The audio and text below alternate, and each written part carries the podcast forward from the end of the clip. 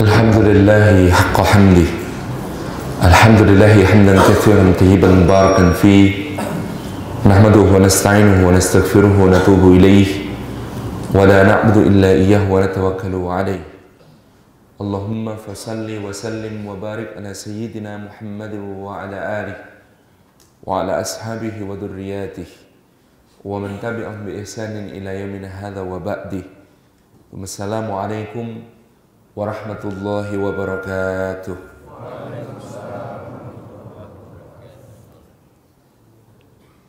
Puji syukur kehadirat Allah Subhanahu wa taala atas limpahan karunia-Nya. Allah menghimpun kita di dalam salah satu amal ketaatan terbaik di dalam hari-hari kita. Dihimpun di rumah Allah di waktu yang penuh dengan kebaikan Disaksikan oleh para malaikat. Bermalam beramal dalam amalan sunnah yang lebih baik daripada dunia seisinya. Beramal dalam amalan wajib yang akan menjadi penanda bagi para malaikat kelak untuk membela kita sebagai ahli Qur'anil Fajr sebagai orang-orang yang kemudian berada dalam Qur'anul Fajr. Innal Qur'anul Fajri kana mashhuda sedangkan bacaan di dalam salat di waktu fajar itu menjadi persaksian khusus para malaikat untuk kelak di sisi Allah Subhanahu wa taala menjadi pembelaan bagi kita semua. Bapak Ibu jamaah subuh yang dimuliakan oleh Allah Subhanahu wa taala, sanatabiru min hayati Sayyidina Utsman bin Affan radhiyallahu anhu. Berapa waktu yang lalu kita sudah membahas dari 10 yang dijamin ke surga itu itu sudah membahas beberapa sisi terkait Sayyidina Abu Bakar As-Siddiq dan juga menyinggung tentang beberapa hal tentang Sayyidina Umar bin Khattab radhiyallahu anhu. Kita memasuki bahasan tentang orang ketiga di dalam kesepakatan ahlu sunnah wal jamaah dari yang paling utama di antara umat Nabi sallallahu alaihi wa alihi wasallam. Kecuali Al-Imam Ahmad ibn Hanbal rahimahullah taala yang meletakkan Sayyidina Ali bin Abi Thalib sebagai afdal as-siddiqnya ditegaskan oleh Allah Subhanahu wa taala di dalam Al-Qur'an Al-Karim di beberapa kesempatan. Misalnya dalam ayat walladzi jaa bisidqi wa saddaqa bihi dikatakan oleh para ulama walladzi jaa bisidqi orang yang datang dengan membawa kebenaran itu adalah Rasulullah sallallahu alaihi wasallam wa bihi dan orang yang membenarkannya itu adalah Sayyidina Abu Bakar As-Siddiq.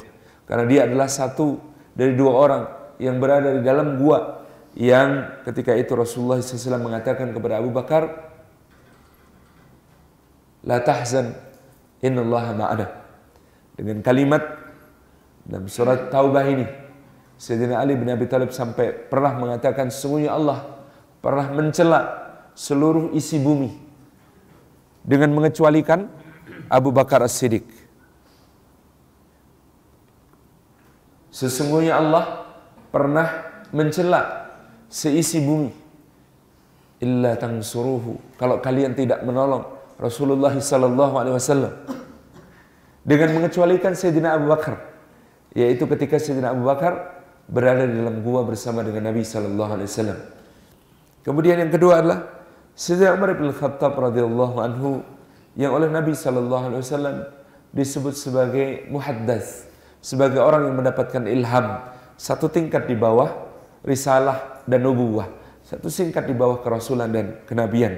Sampai-sampai beliau Shallallahu Alaihi Wasallam juga pernah mengatakan, seandainya ada Nabi sesudahku, seandainya ada Nabi sesudahku, maka dia orangnya adalah Umar bin Khattab radhiyallahu anhu. Karena begitu banyak peristiwa di mana Allah Subhanahu wa taala bahkan membenarkan sikap Sayyidina Umar bin Khattab. Atau turun wahyu yang bersesuaian dengan kata-kata yang keluar dari lisan Sayyidina Umar bin Khattab.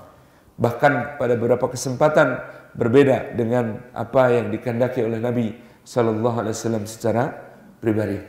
Dalam peristiwa perang Badar misalnya Sayyidina Umar bin Khattab meminta agar Rasulullah Wasallam menghukum mati seluruh tawanan dari orang-orang Quraisy. Sementara Nabi Wasallam cenderung kepada pendapat Abu Bakar As-Siddiq untuk mengambil tebusan dari mereka.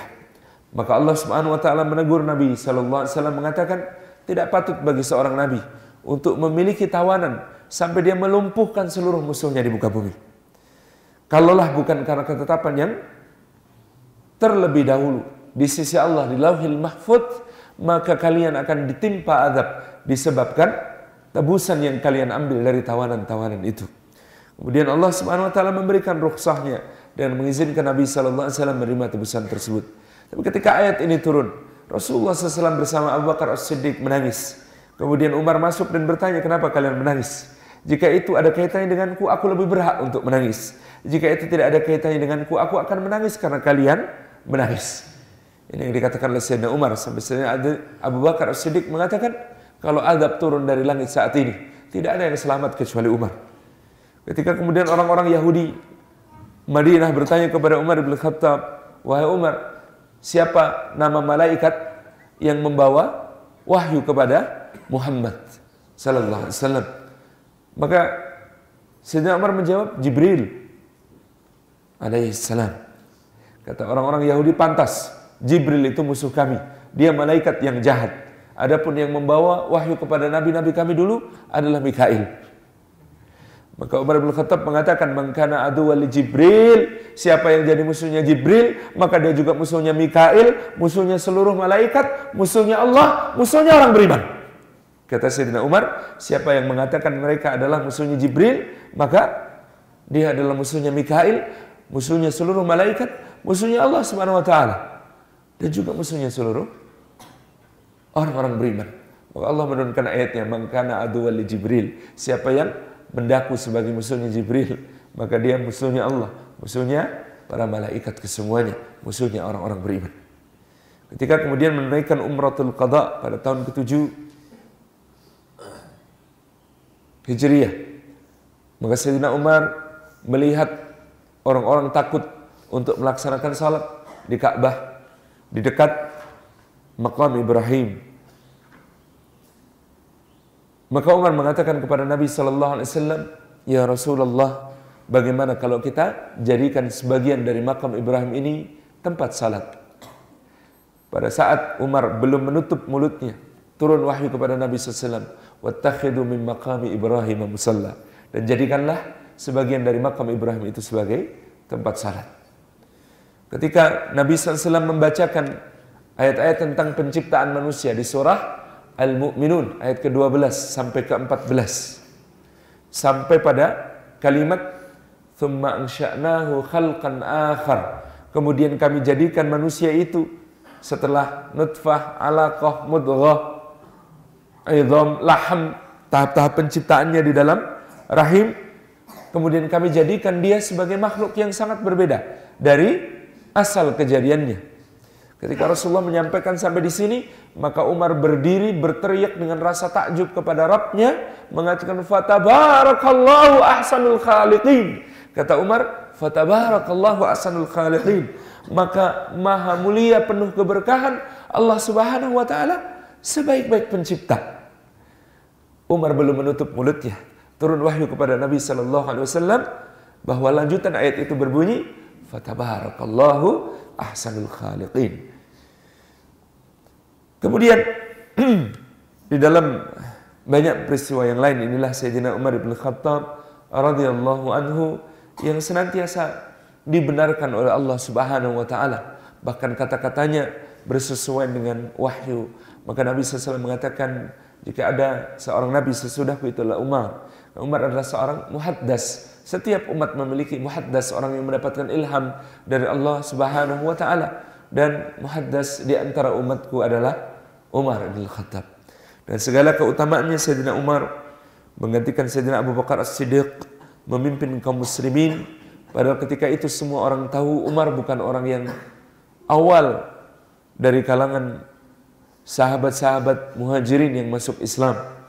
Umar masuk Islam pada tahun ke-6 Bi'thah tahun ke-6 kenabian jauh lebih lambat dibandingkan para sahabat yang lain yang semuanya tergabung dalam 10 sahabat yang dijamin ke surga ini.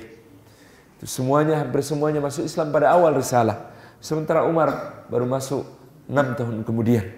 Sampai-sampai pada waktu orang-orang termasuk Sayyidina Utsman ibni Affan radhiyallahu anhu bersama Sayyidina Ja'far bin Abi Talib bersama dengan Sayyidina Utsman bin Affan berhijrah ke negeri Habasyah. Maka ada seorang wanita yang ditanya oleh Umar hendak ke mana kalian?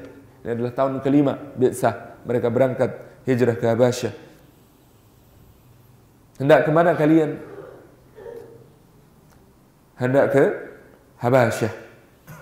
Karena kalian telah menyakiti kami dan menzalimi kami disebabkan kami mengatakan Rabbunallah bahwa kami ini hanya berilahkan menyembah Allah Subhanahu wa taala. Maka Umar bin Khattab mengatakan Allah yusallimak. Semoga Allah menyelamatkanmu. Maka mendengar kata-kata ini, wanita ini berkata kepada suaminya, Sepertinya Umar akan mendapat hidayah. Dari mana kamu tahu? Tadi dia mendoakan aku, Allah yusallimak. Semoga Allah menyelamatkanmu. Ketika aku mengatakan bahwa kita akan pergi ke Habasyah untuk berhijrah. Suaminya tertawa terbahak-bahak mengatakan, demi Allah tidak mungkin Umar akan masuk Islam sebelum keledai milik bapaknya masuk Islam duluan. Saking saat itu orang mem memandang tidak mungkin orang ini masuk Islam. Tidak mungkin sampai unta bisa masuk ke dalam lubang jarum baru Umar akan masuk Islam. Tetapi Allah yang memiliki hidayah. Tetapi Allah Subhanahu wa taala yang memiliki petunjuk dan dia memberikan petunjuk itu kepada siapa pun yang dia kehendaki. Dari hambanya yang memiliki bukan cuma zakat tetapi az-zakat, kesucian. Jadi konon ketika Rasulullah sallallahu alaihi wasallam berdoa, ya Allah kuatkan Islam ini dengan salah satu dari dua yang lebih engkau cintai. Umar bin Khattab atau Amr bin Hisham. Kalau Umar bin Khattab orang sudah tahu. Amr bin Hisham adalah Abu Jahal dan itu yang didoakan Nabi SAW. Mana yang lebih engkau cintai ya Allah? Umar bin Khattab atau Umar bin Amr bin Hisham? Maka Allah Subhanahu taala memilih Umar bin Khattab. Kata para ulama karena dua-duanya memiliki zakat, kecerdasan. Tetapi Umar memiliki zakat, kesucian, sementara Abu Jahal tidak. Di mana perbedaannya? Apa itu zakat? Abu Jahal bisa menipu orang. Abu Jahal terbiasa berdusta. Abu Jahal melakukan pekerjaan keji dan nista. Tetapi Umar bin Khattab tidak. Sebengis-bengisnya Umar, dia tidak berzina. Sebengis-bengisnya Umar, dia tidak melakukan dusta. Dia tidak berkhianat. Dalam dirinya ada sifat jujur. Dalam dirinya ada sifat amanah. Dia keras kasar. Kenapa dia mengusir Rasulullah SAW dan para sahabatnya yang kemudian mendakwahkan dinul Islam karena Umar melihat Rasulullah sebagai orang yang memecah belah orang-orang Quraisy, memisahkan suami dari istrinya, memisahkan anak dari bapaknya, memisahkan satu orang dari orang yang lainnya. Maka Umar ibn Khattab memusuhi Rasulullah SAW karena belum tahu tentang hakikat dinul Islam itu dan dia memusuhi Rasulullah SAW karena benci kepada perpecahan, benci kepada kekacauan. Sebaliknya, Abu Jahal Amr bin Hisham, dia tahu kebenarannya. Dia tahu bahwa yang turun kepada Muhammad SAW adalah al-haq, kebenaran. Tetapi dia memusuhi karena hasad, karena dengki, karena dia mengatakan kepada Abu Sufyan bin Harb, misalnya, bagaimana mungkin kita biarkan orang Bani Abdi Manaf selalu mengalahkan kita di dalam berbagai perkara. Mereka memberi minum sikayah kepada jamaah haji, kita beri minum lebih banyak. Mereka membagikan makanan untuk jemaah haji, kita beri makan lebih banyak. Lalu sekarang di antara mereka ada yang mengatakan, aku seorang nabi dan rasul. Bagaimana kita bisa mengalahkannya kalau kita mengakui dia adalah nabi dan rasul itu? Tidak, kata Abu Jahal, demi Allah sepanjang hidup, aku tidak akan pernah mengakui nabi yang berasal dari Bani Abdi Manaf. Ini hasad, dengki. Satu hari, dia berkata kepada Nabi SAW, Wahai Muhammad, bagaimana mungkin kami musuh engkau? Tidak, kami tidak bisa musuh engkau. Yang kami musuhi yang kami benci adalah apa yang keluar dari lisanmu. Kemudian satu hari Nabi SAW mengatakan, Ya Abul Hakam, wahai Abu Jahal, katakan satu kalimat. Kul kalimatan wahidatan tamliku bihal Arab wal Ajam. Katakan satu kalimat yang dengan itu kamu bisa menjadi rajanya Arab maupun Ajam. Walau asyra kalimat ya Muhammad. Kata Abu Jahal, Kalau untuk menjadi rajanya Arab dan Ajam saya siap walaupun 10 kalimat wah Muhammad. Rasulullah mengatakan Qul la ilaha illallah Muhammadur Rasulullah. La ilaha illallah Muhammadur Rasulullah.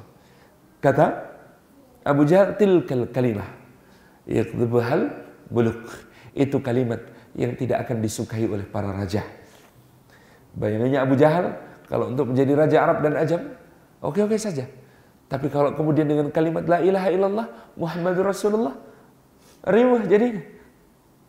Kata Abu kalau raja-raja kok pakai la ilaha illallah Muhammadur Rasulullah, maka dia akan bertanggung jawab kepada Allah, dia bertanggung jawab kepada Rasulullah, dia bertanggung jawab atas umat.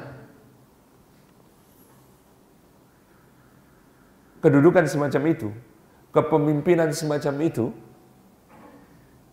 kepemimpinan yang membuat menderita kepemimpinan yang membuat susah. Maka dikatakan oleh Ibnu Khaldun barang siapa memahami la ilaha illallah maka dia tidak akan suka kepada kekuasaan.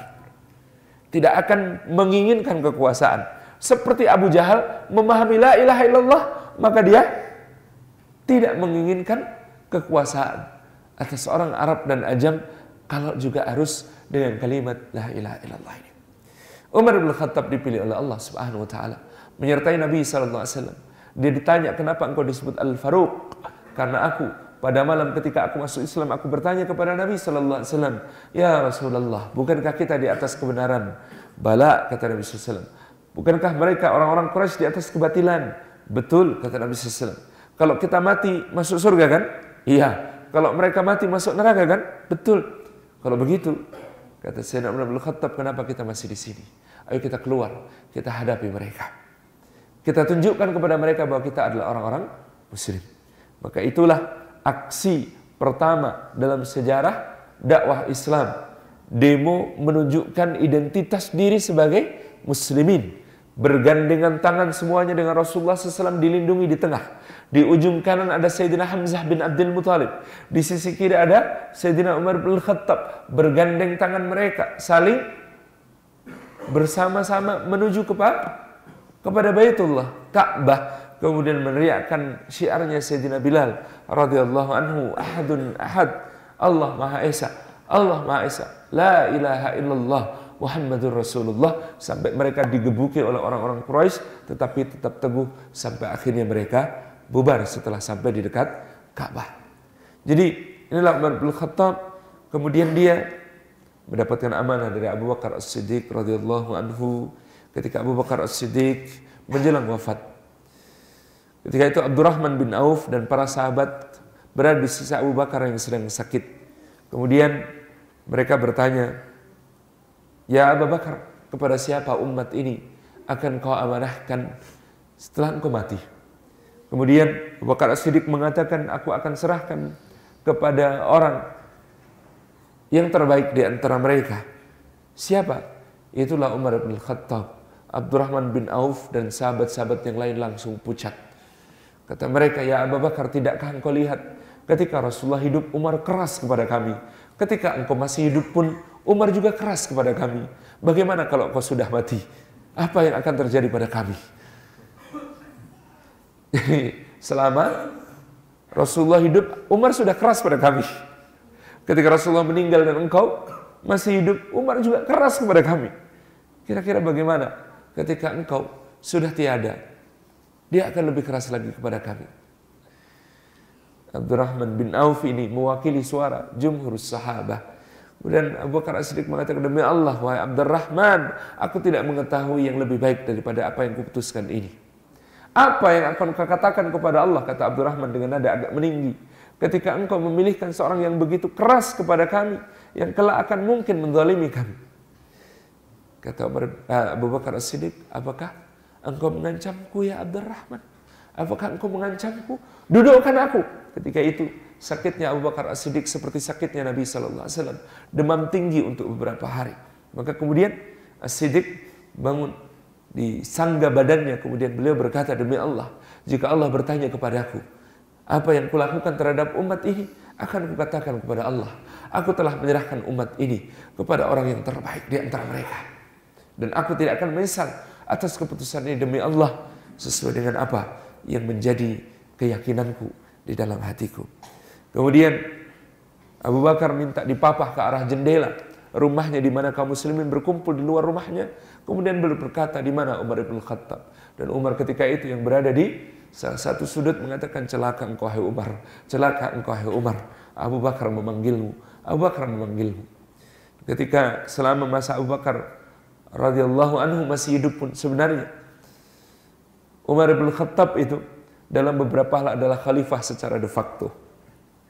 Misalnya terjadi Al-Aqra bin Habis At-Tamimi, Uyainah bin Hisan Al-Fazari, itu datang kepada Abu Bakar. Kami minta jatah, kami mustahik mu'allaf. Ya, kemarin kita sudah singgung pengertian mu'allaf. Mu'allaf itu bukan orang yang baru masuk Islam, tetapi orang yang ketika masuk Islam belum yakin sepenuhnya kepada Islam, sehingga hatinya harus dilembut-lembutkan dengan berbagai macam hadiah dan pemberian supaya semakin yakin kepada Islam. Maka tidak boleh hukumnya memanggil Ustadz Felix sebagai mu'allaf. Beliau tidak pernah jadi mu'allaf. Begitu beliau masuk Islam, beliau telah yakin sepenuhnya kepada Islam. Tidak boleh memanggil ibunda kita Irina Handon dengan mengatakan beliau mu'allaf. Tidak boleh. Begitu beliau masuk Islam, beliau telah yakin sepenuhnya dengan dinul Islam ini. Orang-orang yang ketika masuk Islam yakin sepenuhnya dengan dinul Islam tidak boleh disebut mu'allaf. Karena wal mu'allafatu qulubuhum adalah orang-orang yang kemudian ketika masuk Islam mereka belum yakin betul dengan keislamannya sehingga mereka harus dilulut-lulut hatinya dengan berbagai macam pemberian, dengan berbagai macam hadiah, dengan berbagai macam hal supaya semakin yakin dengan dinul Islam ini. Nah, Bapak-bapak dan Ibu-ibu yang dirahmati Allah, ini Al-Aqra bin Habis At-Tamimi dan Uyanah bin Hisan Al-Fazari sudah lama jadi mu'alaf bertahun-tahun mereka. Terima zakat bertahun-tahun. Gitu. Padahal mereka orang kaya raya, pemuka-pemuka dari Bani Tamim bin Fazarah. Lalu Abu Bakar menulis, karena Rasulullah juga memberi kalian dulu, aku tuliskan untuk kalian pemberian seperti yang diberikan Rasulullah kepada kalian. Surat itu dibawa ke Baitul Mal. Siapa penanggung jawab Baitul Mal? Perdana Menterinya Abu Bakar saat itu adalah Umar bin Khattab. Maka ketika Umar membaca surat itu, surat itu disobek-sobek sampai hancur dulu. Uyainah bin Isnan al-Fazari dan Al-Aqra bin Abi Tamim bertanya, apa ini keputusan khalifah? Korobek-robek. Tidak ada lagi bagian zakat untuk kalian. Kalian bukan mu'allaf lagi. Jadi kami tidak dapat bagian. Tidak ada bagian sama sekali. Menghadaplah mereka kepada Abu Bakar As-Siddiq. Bagaimana ini? Khalifahnya itu kamu atau Umar? Kau bikin surat-surat ya dirobek-robek sama Umar. Abu Bakar tertawa terbahak-bahak mengatakan Umar itu khalifah kapan pun dia mau. Kepercayaan yang luar biasa dari sejak Abu Bakar asli kepada Umar bin Khattab. Tapi Umar sendiri pernah menyaksikan pada suatu hari bagaimana Abu Bakar masuk ke rumah seorang janda.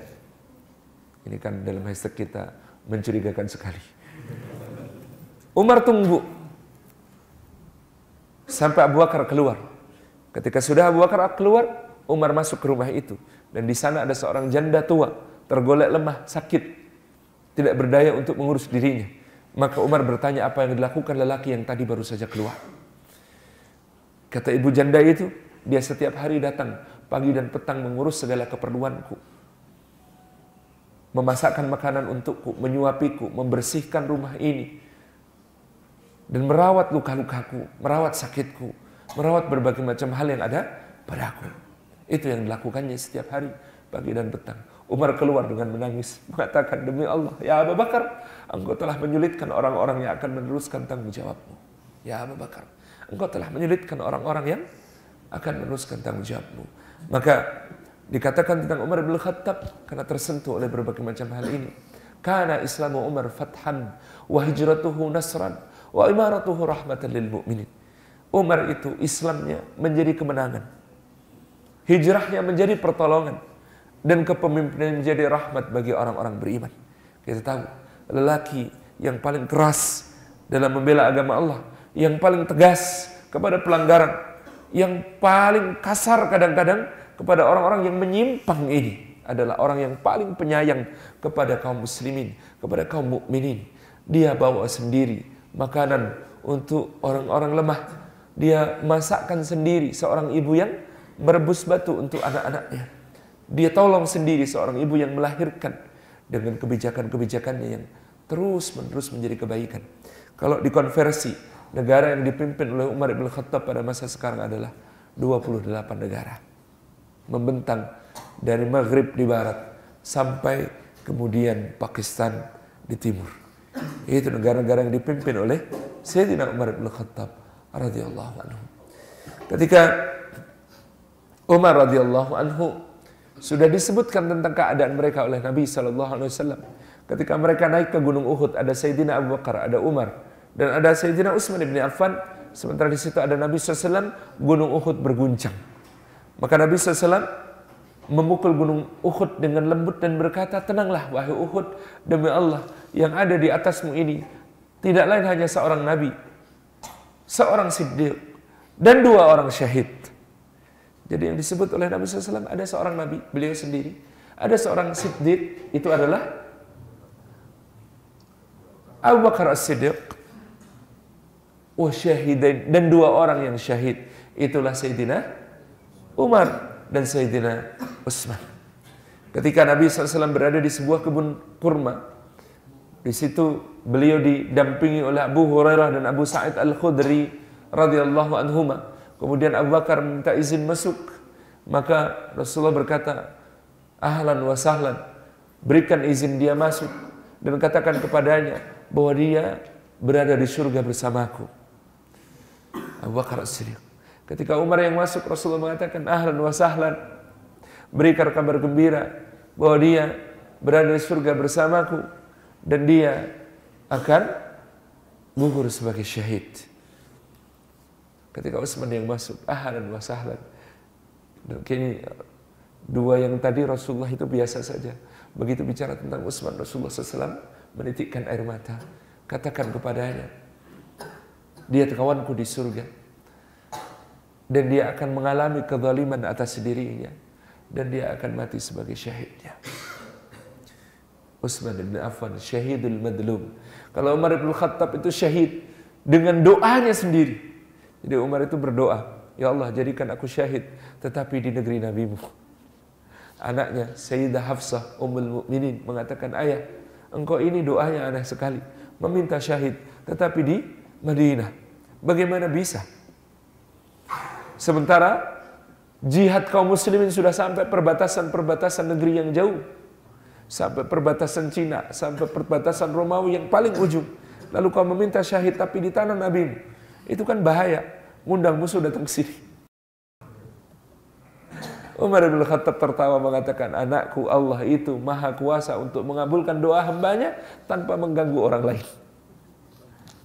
Maka suatu hari, seorang pendendam dari Persia, seorang tukang yang didatangkan ke Madinah atas persetujuan Umar sendiri, mendapatkan dispensasi untuk tinggal di Madinah. Sebagai budaknya Al-Mughirah bin Syu'bah, namanya Abu Lu'lu'ah, Firaus, Firaus namanya. Dia membuat sebuah belati yang khusus. Gagangnya ada di tengah kemudian ada mata belati di bagian atas dan juga bagian bawah. Salat subuh ketika itu dia berada di saf terdepan menunggu Umar ketika Umar sedang salat sunnah maka kemudian dia peluk Umar dari belakang dan kemudian belati itu dihunjamkan ke ulu hati Umar dan dibedahkan ke bawah Umar berteriak, siapa ini yang membunuhku? Kemudian larilah lelaki ini, Abu Lu'lu ini, dengan mengayunkan ke kanan dan ke kiri senjatanya. Sehingga dikatakan yang tewas terbunuh bersama Sayyidina Umar bin Khattab dari jamaah masjid itu sekitar 13 orang. Dan mereka semua mendahului Sayyidina Umar. Karena Sayyidina Umar akan bertahan sampai tiga hari kemudian. Ketika itu Al-Miswar bin Makhramah melemparkan jubah burnusnya kemudian baru mengenai orang itu sehingga orang itu ambruk jatuh. Baru dia kemudian bisa ditangkap dan salah satu putra Sayyidina Umar kemudian membunuhnya.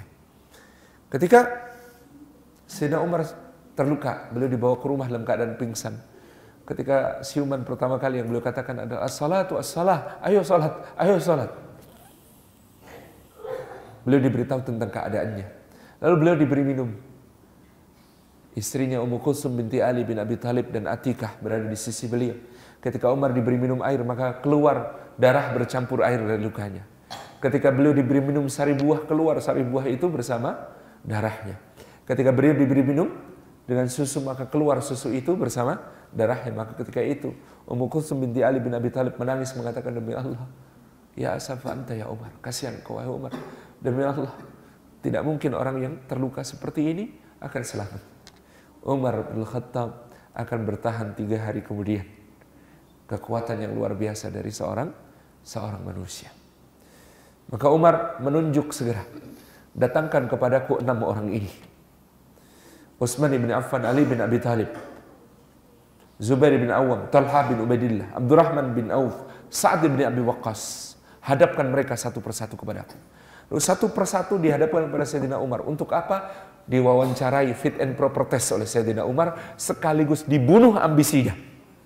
Karena Umar tahu sebagian di antara mereka punya ambisi. Maka Umar mengatakan kepada Utsman, "Wahai Utsman demi Allah, sepertinya mereka akan menyerahkan urusan ini kepadamu. Padahal engkau seorang yang terlalu lembut hatimu, tidak akan tega kepada orang-orang yang dekat hubungan kasih sayangnya denganmu, dan itu akan menjadi penyebab dan membawamu kepada kematian. Tapi wahai Utsman bersabarlah." Ini yang dikatakan Sayyidina Umar kepada Sayyidina Utsman. Utsman hanya mengangguk-angguk dan diam selama Sayyidina Umar memberikan taujih. Sayyidina Ali bin Abi Thalib menghadap Umar mengatakan kepada kami, wahai Ali seandainya bukan karena sifat kelakar yang ada dalam dirimu. Jadi menurut Sayyidina Umar, Sayyidina Ali ini banyak kelakar. Bercandaannya melebihi yang lain. Karena bukan kalau bukan karena sifat kelakar dalam dirimu ini saya orang-orang akan menyerahkan urusan ini secara bulat untuk kepadamu. Tapi bersabarlah engkau. Semua orang mendapatkan ujian-ujiannya. Sayyidina Talha bin Ubaidillah menghadap Wa Talha, apakah engkau menginginkan jabatan ini? Kata Talha bin Ubaidillah dalam soal kekerabatan dengan Rasulullah, dalam soal siapa yang lebih dulu masuk Islam, engkau tidak lebih unggul daripada kami. Maka Umar membaca masih ada ambisi di sini. Maka kata Umar demi Allah, wahai Talha, aku tidak lagi mengenalmu sejak engkau menjadi congkak setelah perang Uhud. Ketika dua jarimu hilang dan tubuhmu penuh luka. Rasulullah memujimu sebagai syahid yang masih berjalan di muka bumi. Demi Allah aku tidak lagi mengenalmu sesudah itu. Sampai kemudian Rasulullah wafat dalam keadaan masih marah kepadamu. Ini cerita panjang tentang sebab turunnya surah Al-Ahzab ayat ke-55. Nanti kita ceritakan di waktu yang lain. Inilah yang kemudian membuat Talha drop dari apa yang menjadi ambisinya. Inilah pandainya Sayyidina Umar membunuh semua ambisi. Az-Zubair menghadap demikian pula ditanya, dihantam lagi dengan kata-kata Sayyidina Umar. Kenapa? Karena Zubair mengatakan, aku ini putra bibi Rasulullah wasallam. Putra Sofia. Aku ini menantu Abu Bakar As-Siddiq radhiyallahu anhu. Aku ini lebih dulu masuk Islam dari kebanyakan kaum muslimin. Maka Umar bin Khattab mengatakan demi Allah wahai Zubair, aku melihat engkau. Engkau ini seorang malaikat ketika sedang baik ridho hatimu. Dan engkau ini setan ketika sedang marah. Demi Allah, bagaimana mungkin seorang khalifah kadang-kadang menjadi malaikat, kadang-kadang menjadi syaitan. Jadi semuanya di, di, dipukul ambisinya oleh Sayyidina Umar supaya tidak berambisi kepada jabatan khalifah ini. Sampai kemudian berikutnya, Sayyidina Abdurrahman bin Auf kata Abdurrahman bin Auf, ada tugas apa ya Amirul Mukminin? Jangan panggil lagi aku Amirul Mukminin kata Umar. Demi Allah, seandainya engkau yang menjadi Amirul Mukminin, urusan ini urusan dalam kebaikan. Saya yang kau punya kelemahan satu saja. Kok ini sempurna, kecuali satu kelemahan itu. Nah, masalahnya satu kelemahan itu tidak layak berada di tangan seorang khalifah. Aku memang tidak ingin jadi khalifah, kata Abdurrahman. Masuk. Saat bin Abi Waqqas masuk. Kemudian saat bin Abi Waqqas dilihat oleh Sayyidina Umar. Wahai saat demi Allah, engkau ini kalau menaklukkan satu kekaisaran, engkau bisa melakukannya. Tapi engkau ini kalau mimpin desa kecil, desanya kacau. Jadi kata Umar kepada Sayyidina Sa'ad bin Abi Waqqas, kau ini kalau menaklukkan sebuah kerajaan, menaklukkan sebuah kekaisaran, engkau bisa. Buktinya dia pernah menaklukkan Persia. Tapi kalau mimpin desa, desanya jadi ribet. Kacau desa itu kalau kau pimpin. Saat bin Abi Waqqas ketawa. Ya memang begitu keadaanku ya, ini. Maka jangan tunjuk aku jadi khalifah. Gitu. Tapi Masya Allah, karena ini saat bin Abi Waqqas dan Abdurrahman bin Auf ini yang mengatakan kata-kata semacam ini. Nanti Umar itu berwasiat. Kalau nanti saat yang terpilih, Maka demi Allah aku dulu memecatnya bukan karena dia melakukan maksiat kepada Allah atau karena dia melakukan khianat kepada amanah. Tidak. Aku dulu memecatnya demi kebaikan semua. Jadi tentang saat bin Abi Waqqas justru di, disebut namanya oleh Sayyidina Umar kalau terpilih. Tapi memang Sayyidina Sa'ad bin Abi Waqqas ketika musyawarah dimulai dipimpin oleh yang tertua yaitu Abdurrahman bin Auf. Ayo sekarang kita akan memilih pengganti Umar bin Khattab sebagai khalifah beliau. Semoga Allah merahmatinya akan segera meninggalkan kita ini menurut perasaanku. Abdurrahman bin Auf mengatakan demikian. Buru-buru saat bin Abi Waqqas mengatakan suaraku untukmu. Suaraku ya Abdurrahman untukmu. Karena Abdurrahman bin Auf dan saat bin Abi Waqqas berasal dari satu suku yaitu Bani Zuhra. Suaraku untukmu.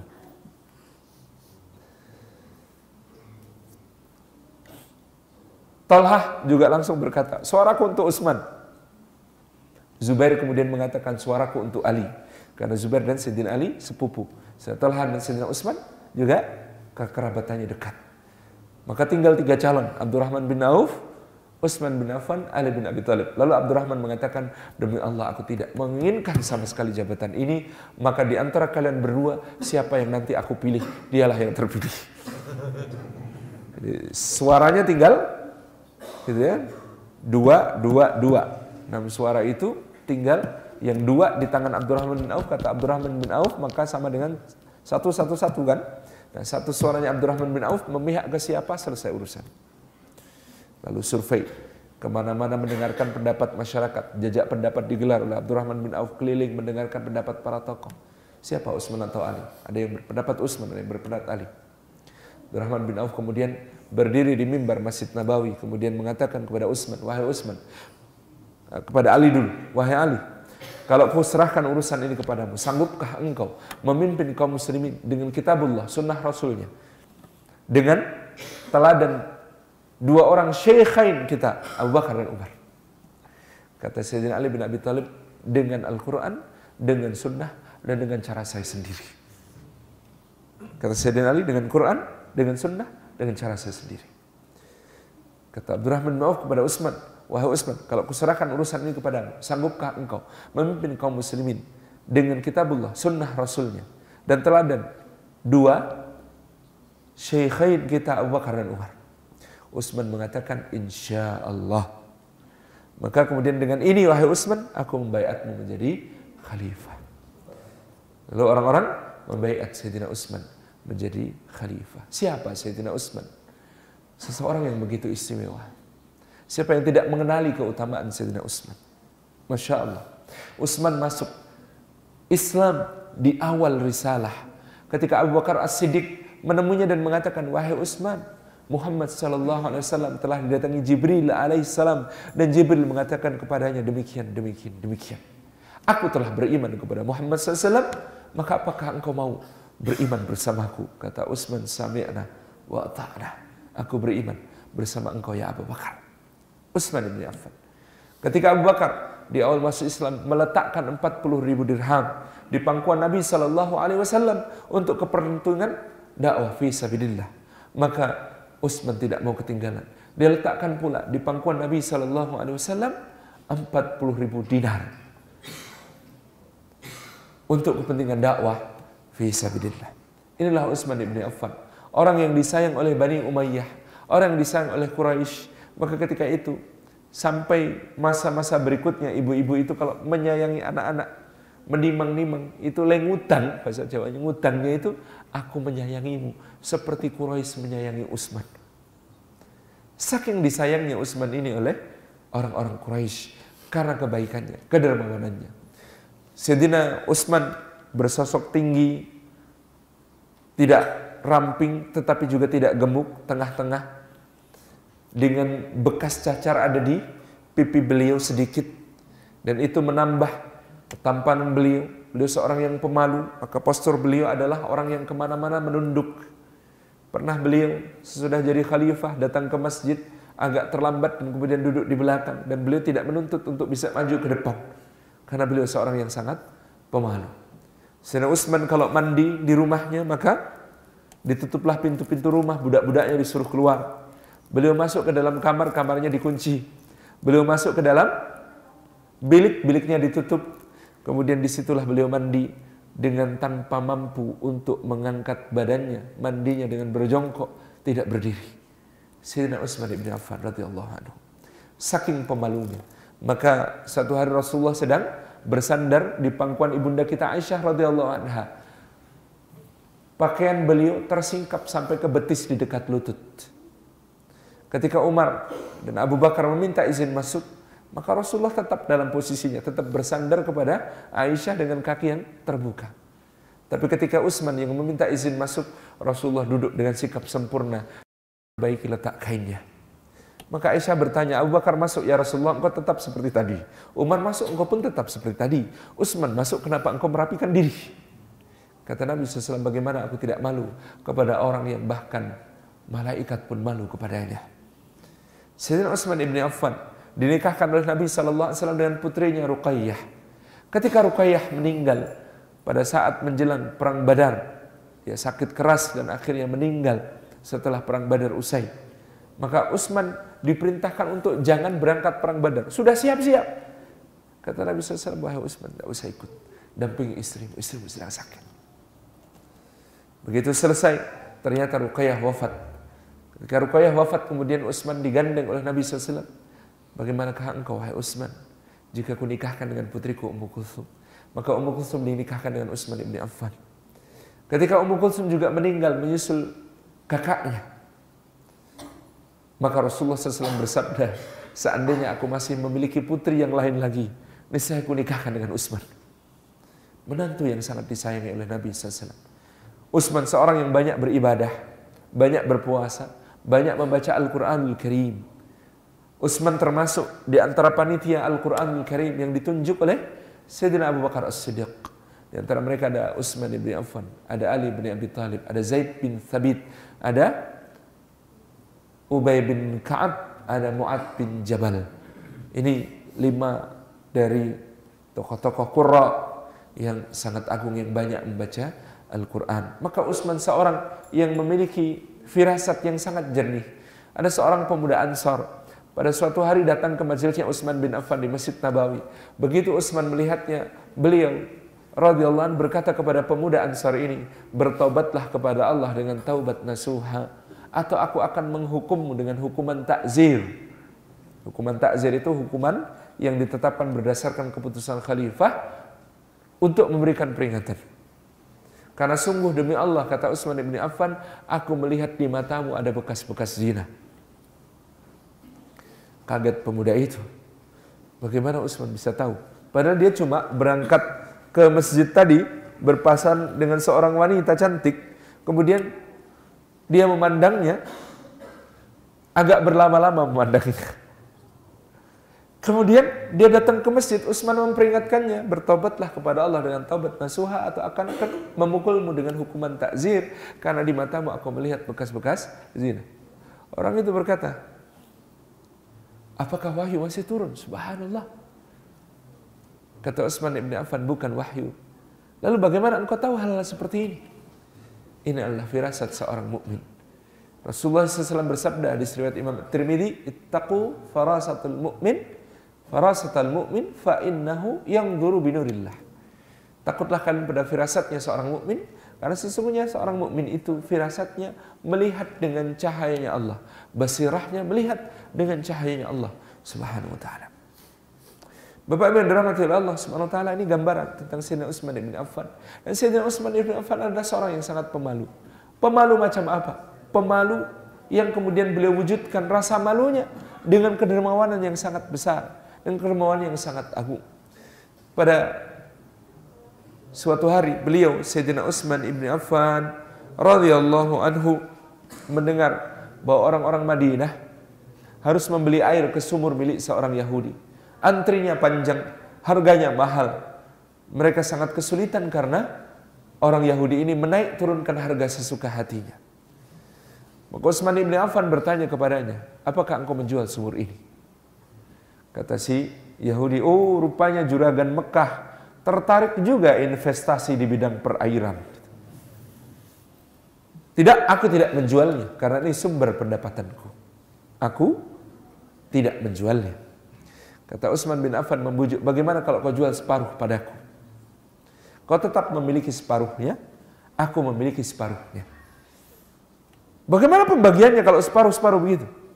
Engkau memiliki hak satu hari, hari berikutnya hakku. Hari berikutnya hakmu, hari berikutnya lagi hakku lagi.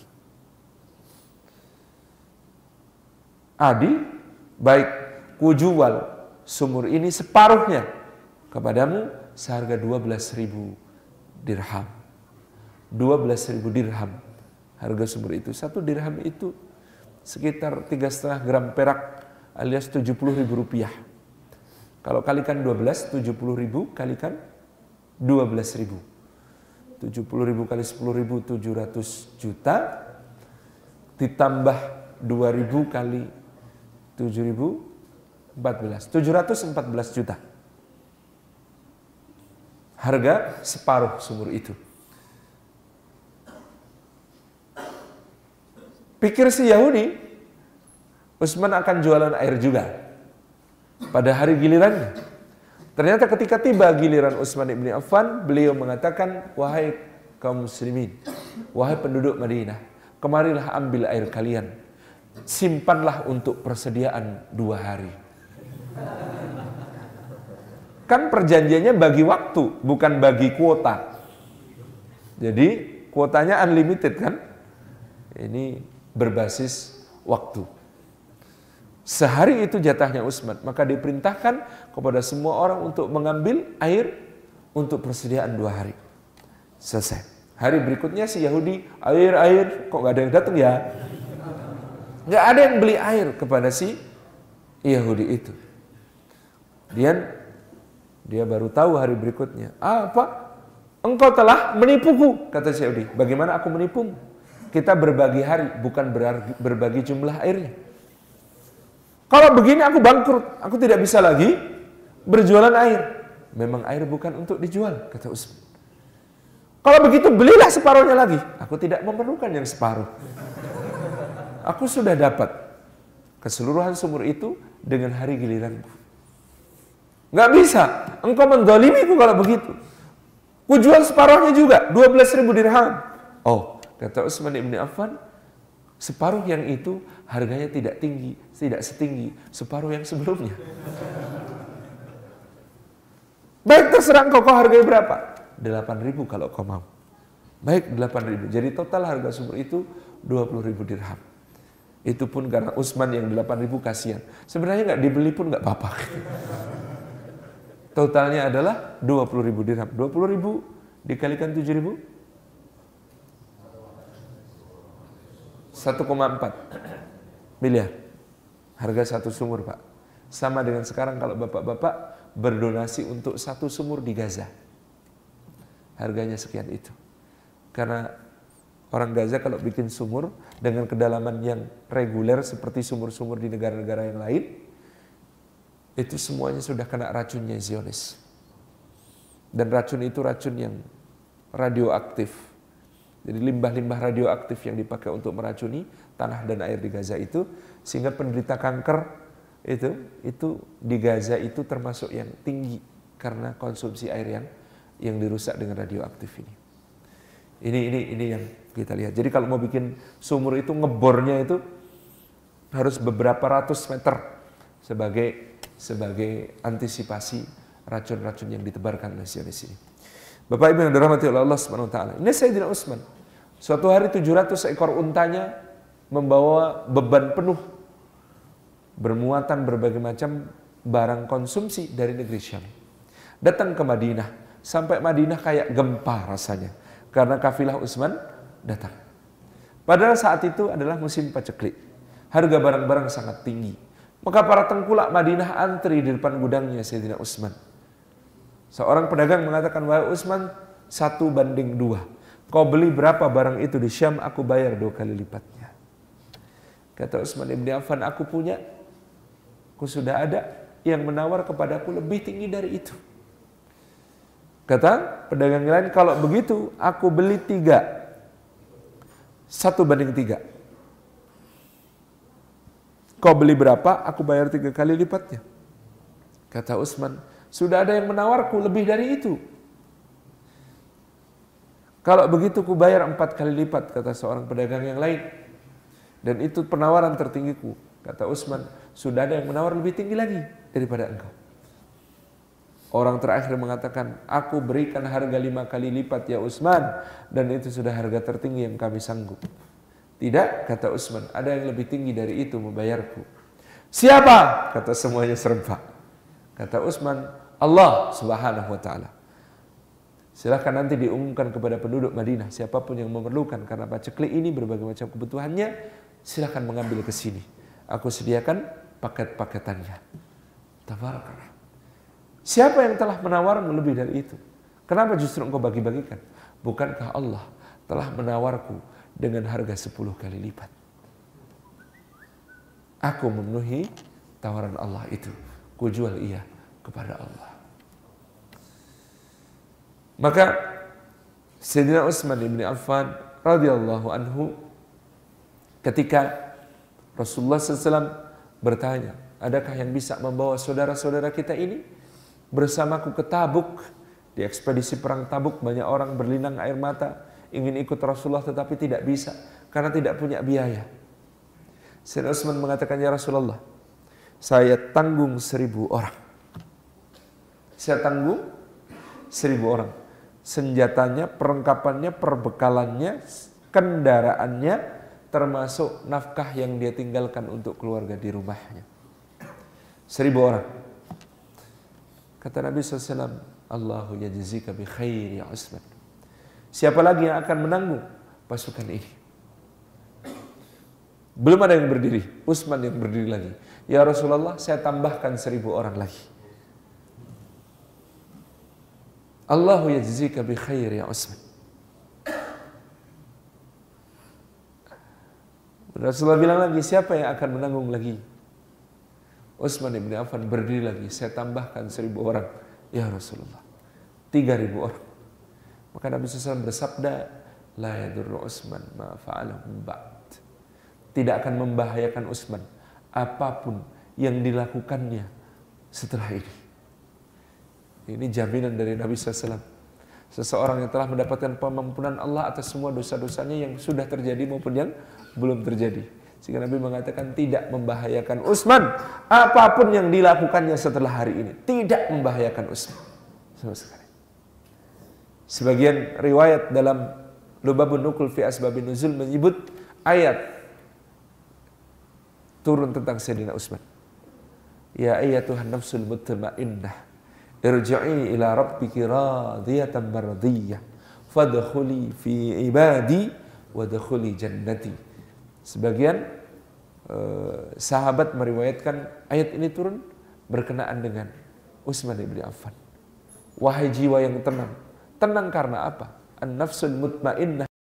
Menurut Imam Hasan Al-Basri dia tenang kepada apa yang dijanjikan Allah untuknya dan dia berikan segala miliknya untuk Allah Itulah Utsman bin Affan. Wahai jiwa yang tenang, gitu. Kembalilah kepada Rabbmu dalam keadaan puas. Lagi diri oleh Allah Subhanahu wa taala. Masuklah ke dalam golongan hambanya Allah. Masuklah ke dalam surganya Allah. Ini ayat untuk orang yang hartanya sudah tidak lagi berada di dalam hatinya. Bersandarnya kepada Allah, bukan kepada benda-benda. Sayyidina Utsman bin Affan. Inilah Sayyidina Utsman terpilih menjadi pengganti Sayyidina Umar bin Khattab. Beliau mengubah beberapa kebijakan Sayyidina Umar. Termasuk pemberian tunjangan untuk kaum muslimin yang lalu disamakan. Di masa Sayyidina Umar bin Khattab, tunjangan untuk para sahabat senior berbeda-beda. Semakin disayang Rasulullah, semakin besar tunjangannya. Zaman Umar, Semakin disayang Rasulullah, semakin lebih awal masuk Islam, lebih besar tunjangannya. Sampai-sampai anaknya sendiri, Abdullah bin Umar protes kepada ayahnya. Ayah, kenapa saya dan Usamah dibedakan? Kami mengikuti bersama Rasulullah peperangan ini, ini, ini, sama. Kami mengikuti syariah ini, ini, ini, sama. Jasa saya dan jasa Usamah tidak jauh berbeda kepada agama ini. Kenapa pemberian untuk Usamah 10 ribu, saya cuma 8 ribu dirham pada saat itu. Umar menangis. Kata Umar, nak tidak tahukah engkau? Usamah lebih disayangi Rasulullah daripada dirimu. Bapaknya Usamah lebih disayangi Rasulullah daripada bapakmu. Bapaknya Usamah adalah Zaid bin Harithah. Zaid bin Harithah adalah budaknya Khadijah yang kemudian menjadi pelayan Rasulullah SAW bahkan dulu sebelum turunnya larangan adopsi di surah Al-Ahzab maka Zaid dipanggil Zaid bin Muhammad karena dia dianggap sebagai putra Nabi Sallallahu Alaihi Wasallam. Zaid bin Muhammad. Kata Umar, bapaknya lebih disayangi daripada bapakmu. Di masa Sayyidina Umar, tunjangan untuk istri-istri Rasulullah juga berbeda. Yang paling disayang dapat paling besar. Ibunda kita Aisyah dapat paling besar. Dan lain sebagainya seterusnya. Umar bisa mengukur seperti apa kecintaan Rasulullah kepada orang-orang ini. Dan kemudian beliau membagi-bagikan berbagai tunjangan negara kepada mereka sesuai dengan sesuai dengan apa yang yang menjadi Eh, hal-hal uh, semacam itu. Beliau selalu menyelidiki ini tunjangan untuk Mu'ad bin Jabal. Kamu nanti setelah setelah engkau memberikan ini kepada Mu'ad bin Jabal, tunggu jangan langsung pulang. Lihat apa yang terjadi. Tunjangan untuk Mu'ad bin Jabal itu 10 ribu dirham. Ketika itu kemudian pembantu Umar yang mengantarkan tunjangan itu duduk di rumah Mu'ad bin Jabal untuk berapa lama. Ternyata Mu'ad bin Jabal memanggil tetangga ini, tetangga itu orang ini, orang itu, yatim ini, yatim itu, semua sampai 10 ribu dirham itu habis tidak bersisa. Kemudian orang ini lapor, ya uh, Amirul Mukminin begini-begini, tidak satu dirham diambil muat. Kata Umar bin Khattab, sudah kuduga. Kalau sekarang jadi meme, sudah kuduga. Segala puji bagi Allah yang membenarkan prasangka baikku tentang tentang muat.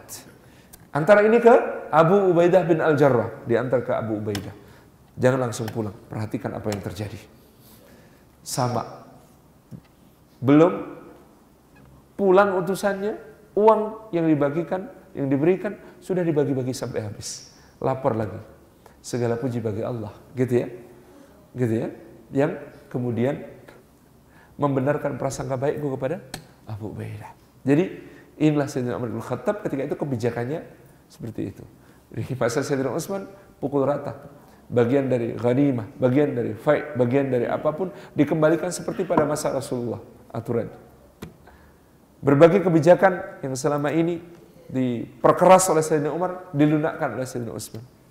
Maka ibunda kita Ummu Salamah radhiyallahu anha bertanya kepada Utsman, "Wahai putraku, kenapa engkau berbeda dengan pendahulumu?" Utsman bin Affan kemudian berkata, "Wahai ibunda, saya hanya mengembalikan kepada apa yang seharusnya seperti dicontohkan Nabi SAW. Apakah saya salah? Tidak anakku, tetapi engkau berbeda dengan Umar. Engkau terlalu longgar kepada orang-orang. Sayyidina Utsman mengatakan, Wahai ibu, sungguh dulu Umar memegang hidung setiap orang ketika dia jadi khalifah dan meletakkan cemetinya di atas ubun-ubun mereka. Apalagi gubernur, apalagi pejabat. Itu istilahnya Sayyidina Utsman semuanya dipegangi hidungnya sama Sayyidina Umar, kemudian cemeti diletakkan di atas ubun-ubunnya. Kapan pun harus siap digetok sama Umar. Sampai-sampai aku wahai ibu, aku khawatir orang-orang lebih takut kepada Umar daripada takut kepada Allah. Jadi ini pendapat Utsman terhadap masa pemerintahan Umar itu begitu. Sampai-sampai aku lebih aku takut. Jangan-jangan orang lebih takut kepada Umar daripada takut kepada Allah. Lagi mana? Gitu ya. Ada orang Mesir rumahnya mau digusur Sayyidina Amr bin As untuk bikin masjid, lapor ke Madinah, gitu. Ketika lapor ke Madinah, Umar cuma kemudian mengambil sepotong turang digaris pakai belati. Berikan ini kepada Amr bin Al-As. Loh, saya lapor itu tidak ada tindakan apa-apa, cuma dikasih tulang begini. Kata Sayyidina Umar, Amru tahu apa yang harus dilakukan ketika melihat tanda di tulang ini. Benar, dibawa ke Mesir ditunjukkan. Amru bin Al-As langsung pucat. Lihat ada apa namanya? Tulang digaris pakai belati. Lalu dia kemudian kembalikan rumah, orang ini tidak jadi digusur untuk pembangunan masjid sehingga pembangunan masjid Amr bin As di Kairo ketika itu bangunannya agak aneh. Ini masjid gitu ya. ada bagian yang melengkung. Nggak lurus temboknya. Kenapa? Karena nabrak rumahnya orang yang mengadu kepada Sayyidina Umar itu. Jadi lebih baik temboknya bengkok daripada hatimu yang bengkok. Hatimu harus tetap lurus. Seperti lurusnya garis di tulang karena belati itu. Demikian, semua orang digetok. Ada orang lapor, saya dipukul sama anaknya Amr bin Al-As dan dia mengatakan, "Heh, kamu berani melawan anak gubernur, heh?" gitu. Umar menulis surat, datang ke sini sama anakmu yang mengatakan, "Kamu berani melawan anak gubernur, heh?" Sini. Gemeteran terima surat. Anaknya, dasar goblok, ngapain kamu gitu kan? Bapakmu dipanggil Umar ini repot urusan gitu. Dan waktu itu perjalanan dari Kairo Fustat ke Madinah ini cukup cepat karena ternyata pada setelah memerintahkan Amr bin As untuk menaklukkan Mesir, Umar segera memerintahkan pembangunan terusan dari Kairo tembus ke dari Sungai Nil di Kairo tembus ke Laut Merah. Terusan ini kemudian terbengkalai pada akhir masa pemerintahan Sayyidina Utsman dan tidak kemudian di, bisa digunakan lagi. Jadi di masa Umar bin Khattab Kairo ke Madinah itu cepat perjalanannya. Panggil, naik perahu, jus datang. Lalu Umar mengambil cambuknya Amr bin Alas. Ini kamu pukul anak pejabat ini di depan bapaknya. Ayo pukul, pukul di depan bapaknya. Orang yang lapor itu, saya tidak berani. Aku yang menjamin kamu tidak akan diapa-apakan sebelum kamu bisa mengkisas dari putra pejabat ini. Ayo pukul di depan bapaknya si pejabat. Seperti itu. Kata Utsman bin Affan dulu, orang-orang itu dipegang hidungnya oleh Umar dan dia letakkan cemetinya di di kepala mereka. Maka aku sampai-sampai lebih takut. Aku takut kalau orang-orang lebih takut kepada Umar daripada takut kepada Allah. Adapun aku wahai ibu, kata Umar Utsman bin Affan, aku wahai ibu, aku adalah orang yang tidak akan mencampuri urusan Allah tentang ketakwaannya suatu hati. Biarkan orang yang bertakwa tampak takwanya, biarkan orang yang fajir tampak fajirnya dan biarkan mereka semuanya bertanggung jawab kepada Allah Subhanahu wa taala. Jadi beda gaya memang. Kalau Umar, ayo takwa enggak? Kalau enggak takwa tak gebuk loh. Itu Umar. Kalau Utsman terserah kalian. Bertakwalah yang mau bertakwa Berfajirlah yang berfajir. Kalian semua bertanggung jawab sendiri kepada Allah. Sayyidina Utsman. Beliau memerintah dan kemakmuran semakin dahsyat di masa Sayyidina Utsman. Jadi di masa Sayyidina Umar itu kemakmurannya standar. Tidak terlalu kemudian berlimpah kaya raya itu. Enggak. Ya kaya, semuanya kaya. Gitu ya. Tapi kayaknya menengah gitu. Rasanya semuanya itu sama rasa sama rata gitu ya agak agak diatur oleh Umar sedemikian rupa sehingga distribusi kekayaan ini benar-benar merata di masa Sayyidina Utsman kesempatan berusaha dibuka selebar-lebarnya sementara humus dari apa namanya e, berbagai perolehan dari ghanimah dan faid dari negeri-negeri juga berdatangan maka kemakmurannya meningkat meskipun resikonya dengan kemakmuran meningkat itu ada orang yang lebih makmur daripada yang lain di masa Sayyidina Utsman karena dilonggarkan dibuka keran untuk ber, usaha ini lebih besar, maka tumbuh juragan-juragan baru. Yang dulu di masa Utsman, eh, di masa Sayyidina Umar, tidak mungkin. Pejabat itu nggak boleh bisnis. Pejabat berani bisnis, gebukin sama Sayyidina Umar. Di masa Sayyidina Utsman, selama tugas-tugasnya beres, Anda punya waktu, ya silahkan kalau mau berbisnis. Itu perbedaannya pada masa masa tersebut. Nah kemudian berkembang berbagai macam hal sampai kota Madinah makin padat bangunan-bangunan ditinggikan gitu ya sehingga ada seorang sahabat yang memilih untuk keluar kota namanya Abu Dhar Al-Ghifari karena kata Abu Dhar Al-Ghifari Ausani Khalili eh, Khalilku kekasihku Nabi Sallallahu Alaihi Wasallam itu pernah berwasiat kepadaku kalau kota Madinah rumah-rumah sudah lebih tinggi dari pohon kurma keluarlah dari di masa Sayyidina Utsman sudah mulai rumah-rumah bertingkat dua lantai, tiga lantai, empat lantai karena padatnya kota kota Madinah. Inilah yang membuat Abu Dhar Al-Ghifari ketika kemudian diminta memilih tetap tinggal di Madinah atau keluar, beliau memilih keluar. Dan kemudian uh, berada di sebuah tempat yang bernama Rabdah Yang kemudian beliau di situ sampai akhir hayatnya seperti yang dinubuatkan oleh Nabi SAW. Semoga Allah merahmati Abu Dhar. Dia berangkat sendiri. Gitu ya. Dia mati sendiri. Dibengkitkan sendiri. Memang berada di sebuah tempat yang asing dan terkucil. Sayyidina Abu Dhar Al-Ghifari. Sayyidina Utsman ibn Affan dengan segala kebaikannya, dengan segala keutamaannya, memimpin kaum muslimin dalam masa yang panjang, 12 tahun.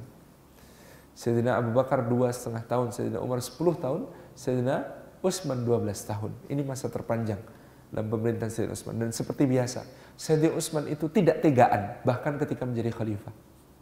Beliau sering lebih mengorbankan dirinya atau hartanya demi perdamaian daripada menimbulkan konflik. Sekretaris beliau, Marwan bin Hakam, pernah dituduh korupsi 5 juta dinar dari Humus Afrika. 5 juta dinar itu berapa?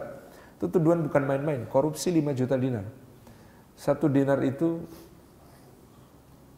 4,25 gram emas, 22 karat. Kira-kira berapa sekarang? 2 juta lah. Lebih ya? 2 juta lebih. 2 juta kita hitung 2 juta saja. 2 juta kalikan 5 juta. 10 triliun.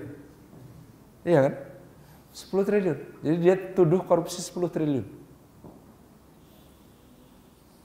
Tapi para penuduhnya nggak bisa mengajukan bukti. Buktinya apa? Kalau Marwan korupsi 10 triliun, kata Usman. Terus desas-desusnya kuat sekali. Tentang humus Afrika 10 juta dinar digelapkan oleh Marwan. Cuman yang nuduh juga nggak bisa mengajukan bukti. Maka apa yang lakukan Utsman pulang ke rumah, ambil tasnya. Nih, 5 juta dinar yang kalian tuduhkan kepada Marwan. Aku ambilkan dari hartaku pribadi, aku masukkan ke Baitul Mal sebagai pengganti dari apa yang kalian tuduhkan. Utsman nggak seneng rame-rame. Kalau bisa diselesaikan, meskipun dengan mengorbankan dirinya, akan dia selesaikan. Utsman bin Affan ini yang kalian tuduhkan. Kalian nggak bisa mengajukan bukti. Marwan tidak bisa dipidana karena kalian tidak bisa mengajukan buktinya. Tapi ini 5 juta dinar. Kalau kalian memang menghendaki 5 juta dinar ada di Baitul Mal, sesuai persangkaan kalian terhadap Humus Afrika itu, ini dia 5 juta dinar aku masukkan ke Baitul Mal. Harta pribadiku, kata Utsman bin Affan. Tabarak rahman. Inilah sejak Utsman bin. Model-modelnya beliau demikian. Dan beberapa kasus memang beliau uh, kurang teliti di dalam mengangkat pejabat. Contoh Walid bin Uqbah bin Abi Bu'aid di gubernur untuk Kufah pada akhir masa Sayyidina Umar bin Khattab adalah Sa'ad bin Abi Waqqas. Lalu Umar uh, Utsman menggantinya dengan Walid bin Uqbah bin Abi Mu'aid.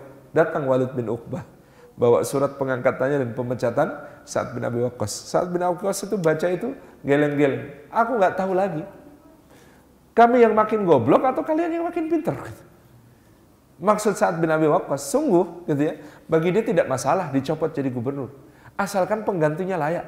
Lah ini Walid bin Uqbah bin Abi Mu'id. Siapa Walid bin Uqbah bin Abi Mu'id? Walid bin Uqbah bin Abi Mu'id adalah orang yang disebut di dalam surah Al-Hujurat. Ya ayyuhalladzina amanu in ja'akum fasikun binaba'in fatabayyanu. Yang disebut fasik di dalam surah Al-Hujurat ini adalah Walid bin Uqbah bin Abi Mu'aid ini. Ceritanya gimana? Dia disuruh Rasulullah SAW mengambil zakat satu kaum. Masalahnya, bapaknya dulu, Uqbah bin Abi Mu'aid, pernah punya masalah sama kaum itu. Jadi dia takut kalau datang ke kaum itu nanti dia apa-apakan. Maka belum sampai dia balik. Lalu lapor sama Rasulullah, kaum itu nggak mau bayar zakat. Rasulullah sudah mempersiapkan pasukan untuk menghukum kaum itu. Pagi berikutnya utusan kaum itu datang. Ya Rasulullah kami tunggu-tunggu. Mana utusanmu yang ngambil zakat kok nggak datang-datang? Kata Nabi SAW, dah kata utusanku kalian tidak mau bayar zakat. Aku sampai sudah siapkan pasukan untuk menghukum kalian. Lah, mana utusanmu datang juga enggak? Ini makanya saya antar ke sini takut menimbulkan fitnah gitu. Panggil sama Rasulullah Walid bin Uqbah bin Abi Mu'aid. Iya ya Rasulullah saya sebenarnya belum sampai ke sana lah, cuma takut lah dulu bapak saya ada masalah ya sama kepala sukunya situ. Kalau saya datang terus dia apa-apain gimana? Jadi ini yang disebut orang fasik di dalam surah Al-Hujurat ini adalah Walid bin Uqbah bin Abi Mu'id beneran. Ternyata penyakit lamanya belum sembuh, masih suka mabuk-mabukan. Jadi dia ketika jadi gubernur Kufah ngimami sholat. Sholat subuh empat rakaat sambil mabuk itu. Ketika salam kemudian diprotes, dia mengatakan mau tambah lagi rakaatnya. Gitu.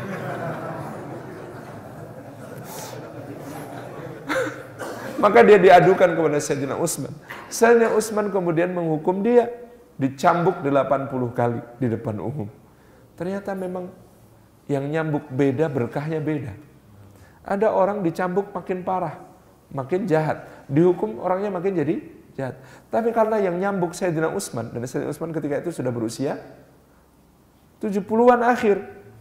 Nyambuk-nyambuknya nggak nggak keras-keras banget gitu kan. Tapi apa yang terjadi pada orang ini? Walid bin Uqbah bin Abi Mu'id begitu habis dicambuk oleh Sayyidina Utsman, tobatnya tobat nasuha. Habis itu nggak pernah ulangi maksiat, nggak pernah minum khamr lagi, nggak pernah melakukan berbagai macam hal lagi. Kemudian dia nggak mau jadi pejabat lagi. Minta apa? Kirim aku ke medan perang. Kirim aku ke medan jihad. Akhirnya dia menjadi panglima kaum muslimin yang memimpin penaklukan lembah sungai Indus. Jadi adanya Islam di India, Pakistan, Bangladesh hari ini adalah jasanya Walid bin Uqbah bin Abi Mu'aid. Padahal orang muslim India, Pakistan, Bangladesh kalau di jumlah sekarang terbesar di dunia. Karena pisah-pisah aja kan. India itu 170 juta. Oh, 150 juta. Pakistan 170, Bangladesh 120. Total berapa itu? 150, 170, 120. 270 ditambah 170. 440 juta. Jadi India, Pakistan, Bangladesh itu muslimnya 440 juta. Kita separuhnya kan? Kita separuhnya. Tapi kalau negara kita terbesar. Nah cuman IPB itu di di banyak negara jadi bersatu padu. Hidup IPB, India, Pakistan, Bangladesh. Dan kita kita jadi kecil kalau di berbagai negara yang lain. Nah, tapi kalau jumlah gitu ya, 440 juta itu India, Pakistan, Bangladesh. Banyak sekali. Jadi, ikhwatifillah, rahimahullah, Bapak Ibu sekalian, itu mereka masuk Islam, mereka beribadah atas jasa Walid bin Uqbah bin Abi Mu'id. Sampai sekarang pahalanya mengalir untuk dia. Maka jangan remehkan orang yang mimpin sholat subuh empat rakaat. Siapa tahu jadi penakluk India, Pakistan, Bangladesh lagi. Ya luar biasa gitu. Masya Allah ya, karena gebukannya Utsman itu gebukan berkah. Beda memang yang gebuki kita sama yang gebuki Utsman itu hasilnya beda. Digebuki Utsman itu jadi soleh. Tabarakallah. Kemudian itu ya, sisi keluarga. Ini menunjukkan Utsman ini lelaki yang sangat mahbub, dicintai. Sangat baik. Kita sebagai penutup cerita uh, istrinya Abdurrahman bin Auf namanya Tamadar. Dilihat Utsman sudah dudak lagi ketika umur 70-an ini. Utsman, ya meskipun sudah tua tapi kan ya tetap perlu nikah ya Utsman. Kata Utsman, ya ya nggak apa-apa kalau ada calon. Kata Tamadar, ah, ada, aku punya sepupu. Hmm, cantik, baik, solihah. Gak apa-apa kalau memang berkenan. Aku nikahkan kau dengan dia. Kau mau? Mau. Anak gadis itu ditanya, mau? Mau. Usman ya? Mau lah. Gitu. Terus mereka dinikahkan. Nah, Usman itu karena saking percaya kepada Tamador, nggak lihat dulu calon istrinya kayak apa. Nikahlah. Akad kan sama bapaknya, ijab kabul. Selesai, kemudian ketemu. Lah, kok masih muda? Jadi Usman ketika itu usia 70-an. Mikirnya Usman, yang dicalonkan tamador itu ya usia 40 50 begitu. Ternyata Nailah ketika itu Nailah binti Al-Farah Fisa Al-Kalbiyah itu umurnya 18 tahun. Maka Utsman mengatakan stop. Kamu berhak membatalkan pernikahan ini. Aku serahkan kembali kepadamu keputusannya. Kalau engkau tidak ridho dengan pernikahan ini, batalkan sekarang. Dan semua hadiah, mahar, dan semuanya aku ikhlaskan, aku relakan, ambil, tidak perlu dikembalikan. Nailah hampir menangis, mengatakan, siapa yang ingin membatalkan? Demi Allah aku menginginkan pernikahan ini. Kata Usman, ya jangan nangis. Tapi kamu kan tahu, Beda usia kita terlalu jauh. Aku ini sudah tua. Nailah kemudian tersenyum sambil mengatakan, aku memang sukanya lelaki yang lebih tua. Kata Utsman radhiyallahu anhu sambil melepas sorbannya, dia menunjukkan bagian depan kepala beliau rambutnya mulai geripis, ada yang rontok gitu ya. Kemudian beliau beruban. Dia mengatakan, aku bukan cuma tua, aku tua bangka kata Utsman. Nailah mendekat mencium ubun-ubun Utsman dan berkata, masa mudamu sudah kau habiskan bersama Rasulullah. Kebahagiaan bagiku untuk menemani sisa usiamu sampai kita bersama-sama menghadap Allah. Senang benar bapak-bapak dapat cerita begini. Ini Usman menikahi Nailah. Tapi Usman itu bukan sembarang lelaki. Di umur 70-an akhir itu, karena nanti Usman akan wafat umur 83, pernikahannya dengan Nailah menghasilkan tiga orang putra. Katanya laki-laki itu tidak ada tuanya. Apalagi laki-laki yang menjaga diri. Saya ketemu seorang syekh dari Palestina, namanya Syekh Abu Bakar Al-Awawidah. Itu sampai sepuh, seluruh anggota badannya sehat semuanya, nggak ada yang nggak ada yang bermasalah. Ketika saya tanya rahasianya, jawabannya jelek. Bisa, pendengaran masih tajam, mata masih sehat gitu ya, lisan masih jelas, badan masih bugar. Tanya, apa rahasianya Syekh? Kata beliau, kalau anggota badan ini tidak kita gunakan untuk bermaksiat kepada Allah, Allah akan jaga sampai usia tua. Kan jelek. Ya. Jeleknya pertama tadi, kan kita ini kalau ketemu Sayyidina Utsman, bakal dikomentari apaan gitu. Tadi yang cuma ngeliatin perempuan terus masuk masjid aja, di matamu ada bekas zina. Kita kayak apa dari komentarnya gitu? Kita kita ini gitu lelaki mencurigakan sekali akhir zaman. Ya masya Allah. Jelek kedua ini kalau anggota badan ini tidak digunakan untuk bermaksiat kepada Allah Allah akan jaga. Allah akan jaga sampai usia sampai usia tua. Gitu ya tabarakallah. Nailah binti Al-Farafis Al-Kalbiyah mendampingi Utsman sampai akhir hayatnya. Ketika Utsman terbunuh ada jari Nailah yang sampai terpapas karena melindungi tubuh Sayyidina Utsman bin Affan. Terbunuh secara zalim di rumahnya setelah dikepung selama beberapa hari. Sementara Utsman ini fitnah berkejaran di sana sini. Surat-surat palsu beredar menuduh satu sama lain gitu ya. Salah satu yang membuat orang-orang ini marah kepada Utsman adalah ketika Utsman sudah menyetujui semua program reformasi yang diajukan oleh orang-orang ini dengan dimediasi oleh Sayyidina Ali bin Abi Thalib dan Sayyidina Ali memerintahkan putra-putranya Al Hasan dan Al Husain bersama putra-putra para sahabat untuk melindungi Utsman jangan pernah tinggalkan Utsman gitu ya ketika itu. Ketika kaum ini pulang ke negerinya masing-masing, yang dari Mesir lihat ada utusan lewat, kemudian ditangkap. Ketika utusan ditangkap dibaca bahwa surat, surat palsu sebenarnya. Surat itu ada tulisan kalau nanti rombongan Mesir yang pulang dari Madinah tiba, bunuh mereka semua. Tanda tangannya Marwan bin Hakam, sekretaris Utsman. Kan seren, gitu, fitnah-fitnah. Akhirnya mereka marah kemudian rumah Sayyidina Utsman pada hari di mana ketika subuh-subuh Sayyidina Utsman melihat para putra sahabat ini Al Hasan, Al Husain, Abdullah bin Zubair, Abdullah bin Umar, gitu ya. Abdullah bin Abbas, Abdullah bin Ja'far, ini ini putra-putra sahabat itu siap di rumah beliau mengawal beliau. Beliau mengatakan pulanglah kepada ayah kalian. Ayah kalian mengkhawatirkan kalian.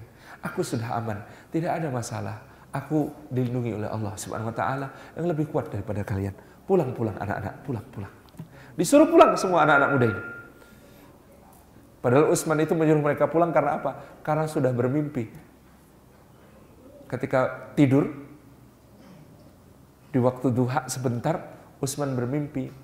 Wahai Utsman, ada Rasulullah, Abu Bakar dan Umar sedang duduk menghadap sebuah hidangan.